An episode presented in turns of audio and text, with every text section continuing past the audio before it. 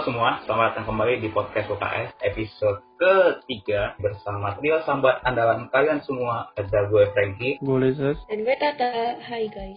Oke, sebelum gue memulai podcast ini, gue mau memberitakan sebuah kabar, kabar terbaru dari dunia Upin Ipin. Seorang Kabar Fizi- gembira Ya, kabar gembira. Seorang Fizi untuk kita semua. Kulit manggis, gini ada ekstraknya.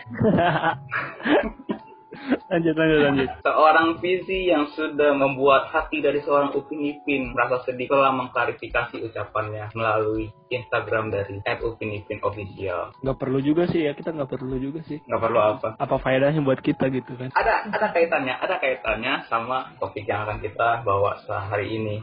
Sekarang yang klarifikasi bukan influencer-influencer doang. Tokoh fiksi juga harus ada klarifikasinya. Setelah mendunia ya, setelah mendunia perkataannya, jadi diklarifikasi. Boleh di Instagramnya Upin Ipin, semua bobroknya dari Fizi itu dikeluarin semua boy. Memang bocah nggak ada akhlak ya begitu ya mau gimana lagi? Masih bocah.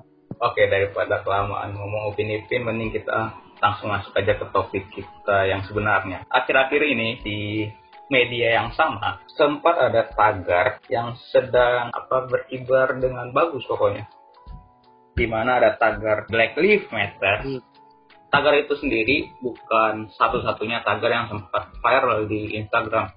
Ada ada juga kemarin-kemarin mungkin kalau kalian semua ingat Justice for Audrey itu juga menjadi salah satu tagar yang sempat viral. Tapi untuk kali ini kita nggak mau bahas tentang tagar tersebut karena menurut gua terlalu sensitif dan yang mau gua bahas untuk hari ini adalah platformnya sendiri yang menjadi medianya sendiri yaitu Instagram. Instagram ini adalah salah satu media sosial yang paling banyak digunakan oleh seluruh masyarakat di dunia. Benar nggak sih menurut kalian? Tahu deh gue. Kalau misalnya lihat dari lingkungan kita sih, ya hampir semua orang pasti punya sih. bahkan ada nyampe punya akun Instagram sebanyak dua, tiga, empat mungkin. Oh Kalau- itu ini nih yang ini. itu si, Ta- si Tata itu masih Tata itu. Kalau lu sendiri Yul berapa Yul? Gue cuman dua doang. Eh, yang satu buat yang fitnya bagus, yang kedua buat spam aja buat kalau mau ampas-ampasnya gitu, biar rapi. Oh oke. Buat Buat. bersambat Gua- juga gua sih bisa. nggak. Jadi hari ini gue mau memberikan fakta-fakta. ya. Jadi podcast ini nggak sekedar cuma sahabatan biasa aja. Oke. Jadi Instagram ini dibuat oleh Kevin Systrom dan Mike Krieger. Mereka berdua adalah mantan mahasiswa mungkin dari Stanford University. Kalau nggak salah mau di Ayunda dari Stanford kan setahu gue. Oh iya iya, mantan gue. Gak tahu gue. Jadi keduanya pertama kali bertemu ketika mereka sama-sama mengenyam pendidikan di Stanford di California. Sekarang si Kevin menjadi CEO dan si Mike menjadi CTO dari Instagram sendiri. Fakta selanjutnya, Instagram ini ternyata eh, sempat dibuat sama si Kevin. Si Kevin ini membuat aplikasi yang namanya Burm, B-U-R-B-N. Di sini BURBN ini memberikan layanan bagi penggunanya untuk sharing foto, check-in lokasi, dan membuat planning dan juga mendapatkan poin. Cuman karena aplikasinya yang ribet, jadi si Kevin ini berdiskusi dengan si Mike dan mengevaluasi kekurangan dari aplikasi yang si Kevin buat ini. Terus si Mike ini melihat kalau yang sering dipakai dalam aplikasi Burn itu adalah situs Foursquare di mana fitur yang paling digemari adalah sharing foto. Jadi itu alasannya kenapa Instagram lebih fokus untuk sharing foto dibanding yang lain. Tapi sekarang bisa video kok. Ya, ya kalau inovasi ya pasti ada dong, nggak mungkin cuma foto doang. Sekarang, Sekarang apa? sekarang fokusnya sharing story. Oh iya, Ada IGTV juga kok, ada IGTV itu. Ya namanya, IGTV juga. ya namanya kan inovasi. Inovasi untuk membuat produk mereka lebih berkembang. Oke lanjut Biar lagi. mati. Iya biar nggak mati. Jadi terus dipakai sama penggunanya. Fakta selanjutnya, postingan pertama di Instagram. Ada yang tahu nggak? Postingan foto kita di akun kita masing-masing. itu postingan pertama. Masuk Iya. ke post, ke postingan pertama di Instagramnya. Foto pemiliknya. Foto penciptanya kali. Salah, salah, salah.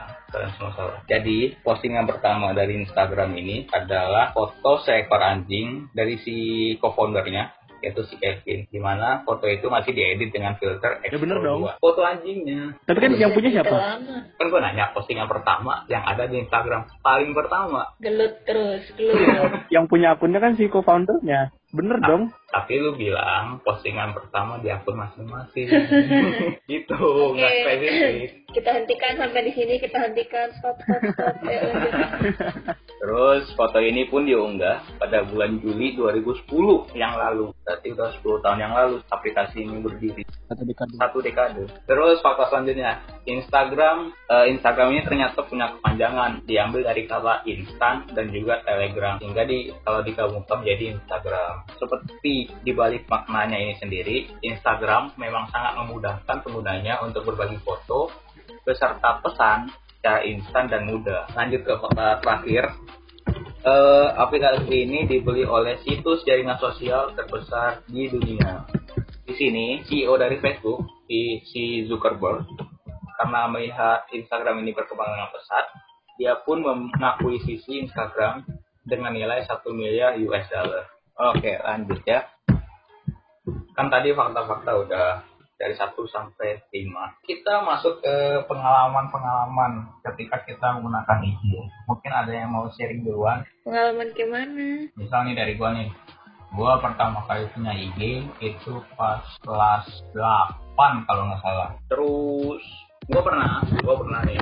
Mungkin karena gue dulu nggak mengerti esensi dari Instagram itu apa, gua kayak pernah nge-spam foto atau postingan bisa nyampe seratusan men. Ya pokoknya nyampe banyak dan isinya nggak penting semua.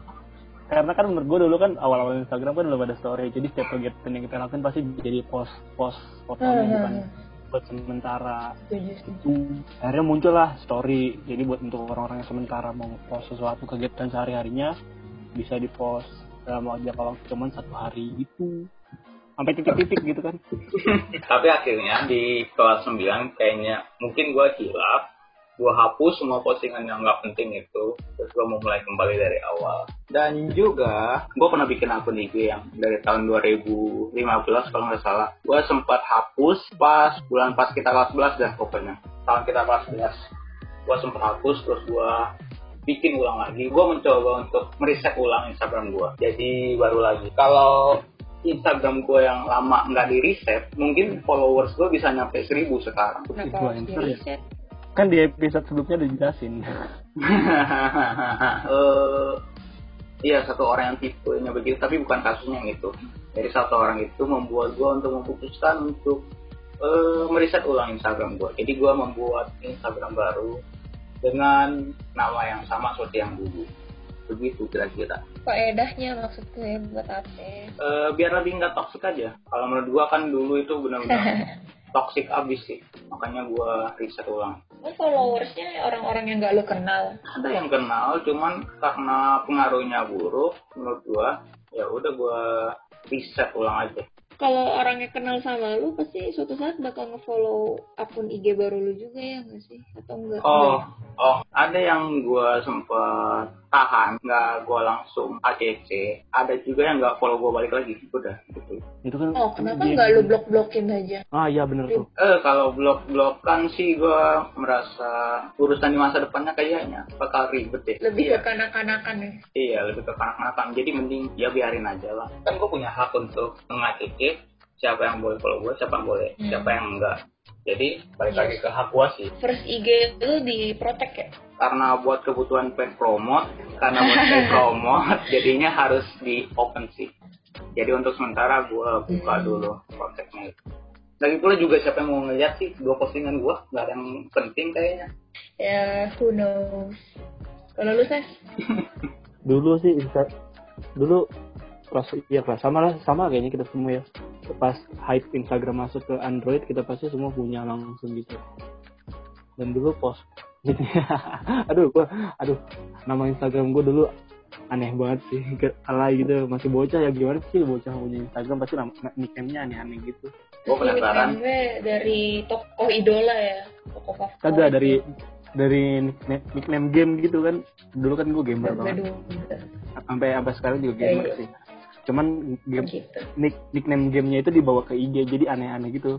Terus sedangkan apa pun yang gue dapetin di game itu gue langsung post di so, di di posan gue dan gue selalu nge-spam gitu walaupun like-nya cuma 12, 6 gitu kan.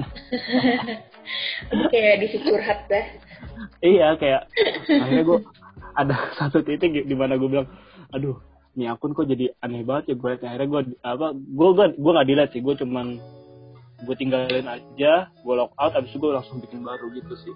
Dan lebih rapi oh. sekarang jadinya. Berarti Instagram yang itu masih ada dong? Masih nickname-nya ini aja Sky, Sky, Skyline Riz kalau salah Riz itu R E A Z gitu kalau nggak salah. Masih ada masih ada bagi yang mau follow silakan di follow bagi yang mau melihat sampahnya Ulises di masa lalu silakan di follow kayaknya jadi kau kenapa nggak lu protek? Itu gue nggak protek. Gue nggak tahu cara ngeprotek dulu. Ya gimana sih bocah? Masa main protek protek protek? Yang penting post post post gitu aja. Atau kenapa nggak lu hapus akunnya? Sih jadi lu gak hapus. Enggak sih nggak apa-apa lah so. nggak ada yang tahu juga kan orang namanya sekalian Rizky gitu kan. Masa orang-orang tiba-tiba nemuin? Bisa aja sih. Tahu cuy. Bisa aja. Lu memutuskan buat ganti jadi IG baru pas kelas berapa tuh? Pas kelas berapa ya? Sembilan SMA ya? akhir oh, sembilan akhir kalau misalnya sembilan akhir. Sembilan akhir gue udah langsung hmm. ganti. Gitu kan karena gue udah ngeliat kok alay banget gitu kan. Akhirnya gue bikin baru. Iya. Walaupun awal-awalnya juga agak agak agak apa sih agak masih buat gitu sama alaynya tapi akhirnya ya ya gue gue gue delete gue delete akhirnya tobat. hilap ya hilap hilap hilap hilap hilap lo sendiri tak gimana tak kalau gue eh, gitu. Sering apa? posting. Kayak ada deh sampai ratusan juga. Gue nggak inget kapan akhirnya gue memutuskan buat menghapus postingan-postingan gue yang rada sampah itu. Akhirnya gue ngerasa terbantu banget sih sama fitur arsipnya Instagram. Oh semua diarsipin? Uh, semenjak ada fitur arsip ya gue jadinya diarsip. Tapi yang kalau gue delete sebelum ada fitur arsip ya delete udah hilang gak ada lagi. Ya jadi kayak ada postingan yang gue nggak mau kasih lihat ke orang luar tapi gue sayang kalau mau dihapus ya tinggal diarsipin. Kalau gue mau lihat lagi ya gue masih bisa lihat. Kenangannya masih ada tuh. Oke, kan tadi kita semua udah share pengalaman kita tentang Instagram. Nah, di antara kalian ada yang menggunakan Instagram yang p diatus nggak sih? Oh, tentu saja tidak pernah. Ntar gue ya, kalau gue sendiri sih enggak. Ya nih, oh. ini, ini pemilik podcast ini kok pernah hiatus kok. Oh iya. Gak usah jauh-jauh ya. Gak usah jauh-jauh. Iya ya, gue akuin gue pernah hiatus kok. Karena pas gue menggunakan Instagram itu, gue tidak mendapatkan dampak positif dari adanya Instagram. Pas itu kebetulan lagi zaman zamannya liburan kalau nggak salah gue ngeliat semua story semua postingan itu isinya liburan semua. Sedangkan gue kala itu tidak dapat liburan ke mana-mana. Tidak ada tujuan tidak ada uang tidak ada apa-apa. Bahkan gue merasa ketika nggak gunain Instagram gue ngerasa happy ngerasa bahagia gitu. Ayo guys ayo kita bisa donasi ke Frankie untuk bisa liburan. Link nanti ada di bawah sini ya guys kampret kampret. Kenapa nggak lo hapus aplikasinya? Kenapa harus hiatus akun? Iya gue nyampe gue hiatus akun terus gue hapus aplikasinya juga. Ya, tapi tapi kayaknya kalau ada kesempatan buat hiatus lagi gue kayaknya mau coba lagi deh. Kayaknya waktu itu gue cuma 19 hari nggak on di Instagram itu kayak masih kurang gitu. Setahun sekalian lo butuh Oke, okay, rekor entar. Kalian nggak main HP? Eh, kalau nggak main HP, gue nggak bakal up podcast dong kalau gitu. Kan ada laptop. Oh, laptop ribet. Di laptop lu bisa pakai line, bisa buka IG gitu. Yang penting kan gak main HP. Iya, yang penting kan gak main HP. Justru gini, kalau gue pakai laptop, laptop gue itu udah terlalu kentang, udah terlalu tua, udah umurnya untuk ganti. baru, alhamdulillah. Ayo kita bisa ayo kita bisa donasikan duit kalian untuk untuk Tanky bisa memiliki laptop baru. Mungkin ses tadi katanya mau komen tentang hiatus ses. Oh nih kalau misalnya soal hiatus ya, oh. Silakan silakan silakan. Ngomongin soal hiatus ya pasti pernah nggak sih kalian semua ngeliat kayak teman-teman gitu pada bilang di story itu bikin of IG urgent hubungin nomor atau ID line di bawah ini gitu kan. Masalah emang bakal ada yang urgent banget apa dengan lu sendiri gitu kan? Kayak ngapain sih? Kan kalau misalnya yang urgent gitu pasti teman-teman lu dan pasti mereka juga udah punya kontak sendiri kontak lu sendiri kan? Jadi ya ngapain harus di post lagi? Bahkan kalau misalnya orang yang lu nggak kenal ngapain dia urgent sama lu gitu kan? Fungsinya buat apa gitu kan? Kayak Siapa tahu teman deketnya nomornya hilang tiba-tiba aduh mampus nomornya dia berapa ya? Eh gue cek storynya aja deh. Kita harus positif, men. enggak lah. Enggak kayak pede banget sih. Ada ada yang urgent banget sama dia. Paling paling pembahasan kayak nggak jelas gitu. Paling minta tugas eh minta fotoin mana dong halaman segini segini segini. Itu kan nggak terlalu urgent malah. Sedangkan pasti ada grup gitu kan. Ada grup kalau misalnya kontaknya hilang ah gue cari di grup deh. Kan dia Oh, ada. iya. kenapa harus story gitu kan? Merasa merasa dirinya penting sekali begitu ya. Gue No comment. Gue suka gue suka apa ya sensi apa sensi gitu ngeliat apa Iya, post post gitu sensi banget sih kayak siapa juga yang mau kontakin lu bahkan kan gue gue ya gue nggak terlalu dekat sama tuh orang jadi kan emang gue ada urgent apa sama diri lu gitu nyampe lu bakal post story kayak ginian gitu emang gue bakal bilang sesuatu gitu kan enggak Tapi lu lebih sensi nggak sih sama Apa? orang? Pokoknya bio Instagramnya itu udah kayak biodata dirinya sendiri. Dia munculin semua di Ya nggak salah. maksudnya faedahnya apa gitu loh faedahnya gue nggak apa? pernah gue nggak pernah lihat orang-orang kayak orang gitu sih supaya orang lebih mengenal dirinya dengan baik. maksudnya buat apa gitu loh lu lu tahu kan ada yang berbaik hati gitu. Dia baca oh di bionya ulang tahunnya tanggal 1 bulan 1. Oh, berarti tanggal 1 bulan 1 gue harus beliin dia kado. Gitu gitu. Biar orang-orang tahu. gini per anggapannya ya misalnya nih lu nggak kenal gue terus gue pasang bio gue kayak gitu tuh ada tanggal lahir gue terus segala macam emang lu bakal beliin gue emang lu bakal beliin kado ke orang yang lu nggak kenal sama sekali Ya emang kalau lu nggak kenal sama sekali bakal lu follow.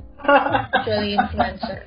Atau orang yang lu suka. Kan enggak. nggak ada ada Bakal kira. gini gue nggak kenal gue nggak terlalu deket banget sama orang kalau misalnya dia pasang bio seperti itu emang gue bakal beliin dia kado kan gue nggak kenal sama dia Tapi kan tujuan dia pasang itu bio bukan buat kan nggak buat orang-orang spesifik atau orang-orang tertentu. ya bisa bisa dilanjutin ya sama aja kayak Facebook gitu loh. Kalau Facebook kan juga malah dari Facebooknya sendiri yang nanya kan ulang tahun lu kapan. iya dan Facebook dan Facebook ngucapin kan kan ini kan kalau Instagram kan Iya. gak ada ngucapin Eh, siapa tahu dia menerapkan sistem yang sama di media sosial yang berbeda. lagi pula kalau Instagram minta ulang tahun lu kan secara pribadi tapi ini lu malah apa mempublikasikan tanggal lahir alamat ID line semua semua bio lu lu publikasikan di bio Instagram astaga capek gua Ya menurut gue sih hak mereka nggak sih? Kan yang punya akun mereka.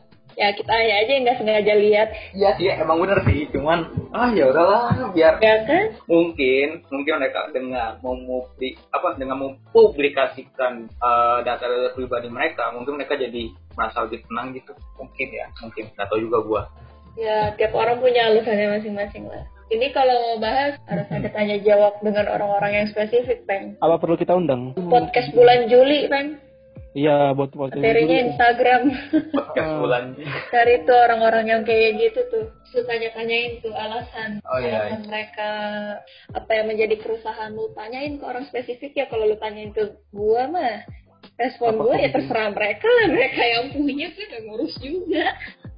apa kepentingan buat orang-orang asing yang follow dia gitu kan Ya, cuman Oke, lanjut. cuman sensi, cuman sensi aja sih ya bener sensi aja ngeliatin orang-orang yang pede gitu sih kok kita jadi ngurusin ngurusin Ya. hidup orang hidup orang lain ya?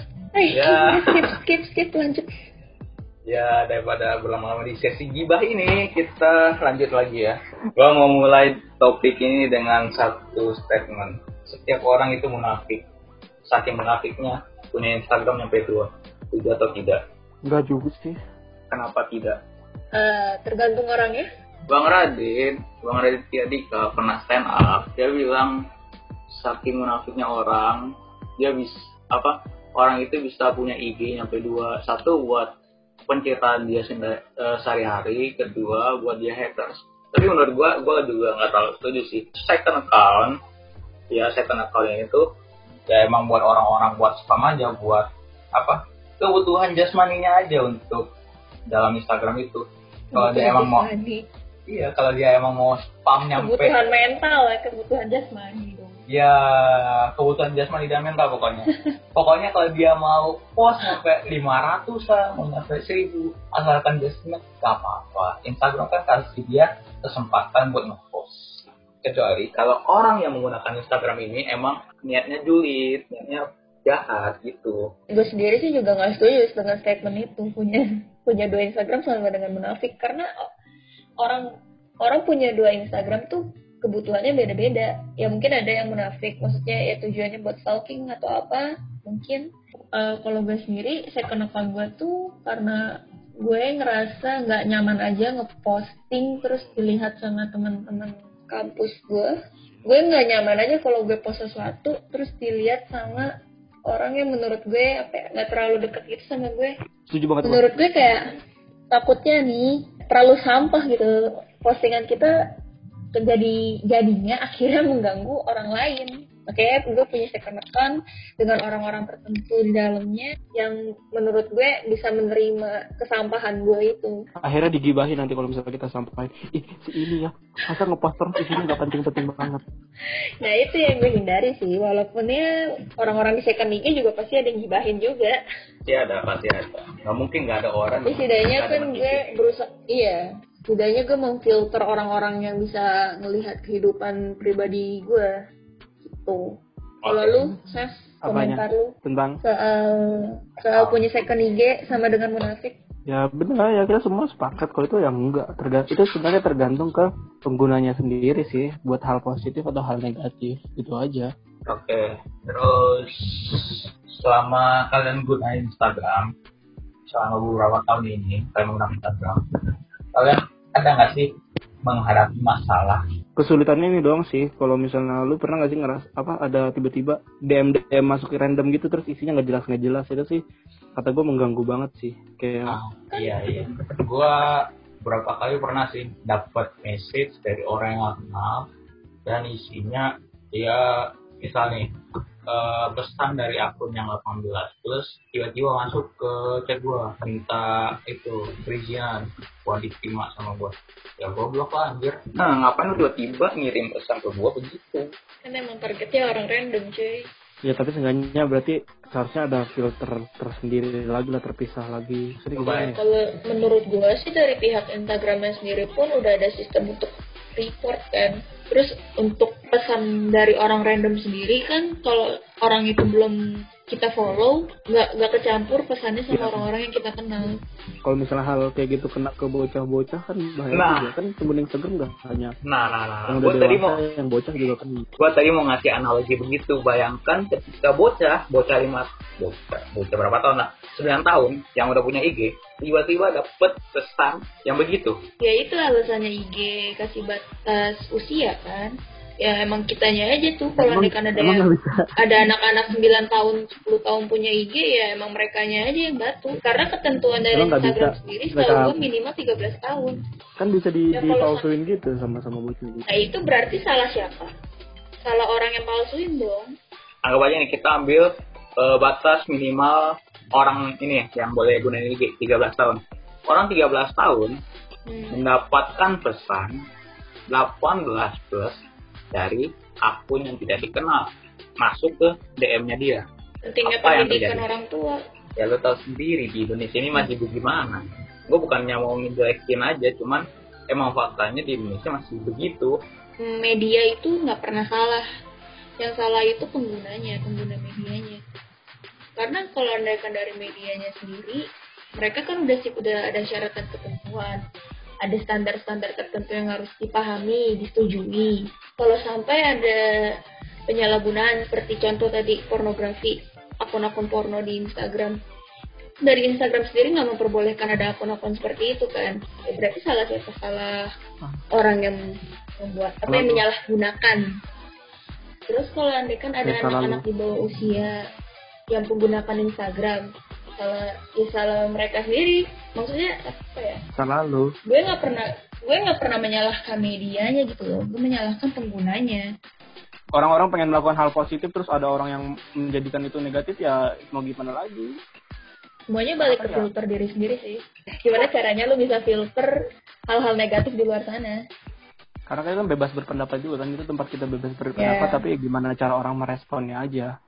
Oke daripada kita berlama-lama. Okay kita tutup dengan harapan untuk Instagram itu tersendiri. sebenarnya lebih ngutamain ke penggunanya ya. Jadi ya semoga lebih dewasa dalam menggunakan sosial media ya. Karena sekarang juga kalau misalnya nggak nggak terlalu dewasa menggunakan sosial media udah ada peraturannya tersendiri. Ada undang-undang ITE ya udah ada hukumnya tersendiri. Jadi berhati-hati dalam bersosial media dan dalam berpendapat di sosial media. Karena nggak semua orang bisa menerima apa yang kita utarakan ada yang menganggap itu jadi meledek ada yang menganggap itu sebagai hal yang positif. Yang membangun.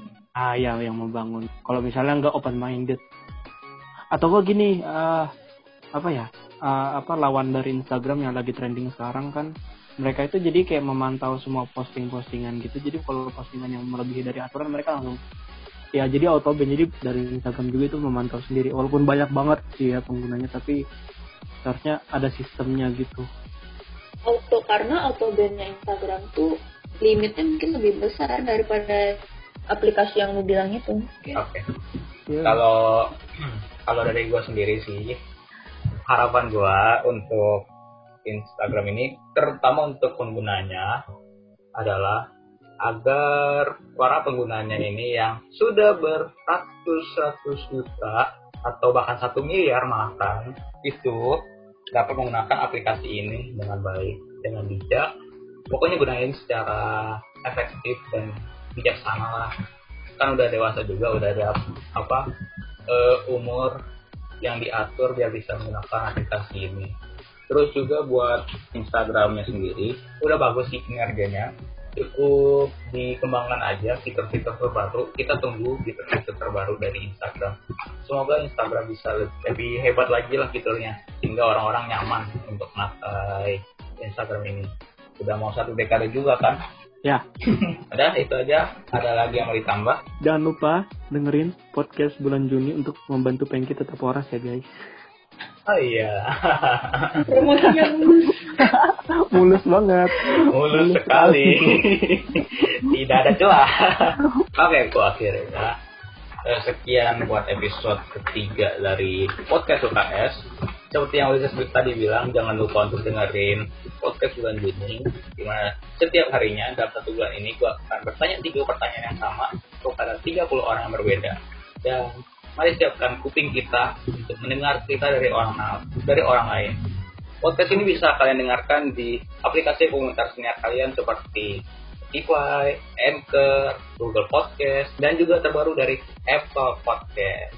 Sekian begitu aja, gue pengen dicabut. Gue Lisa sendiri. Dan gue Tata, sampai jumpa di episode selanjutnya. Bye, Bye. guys.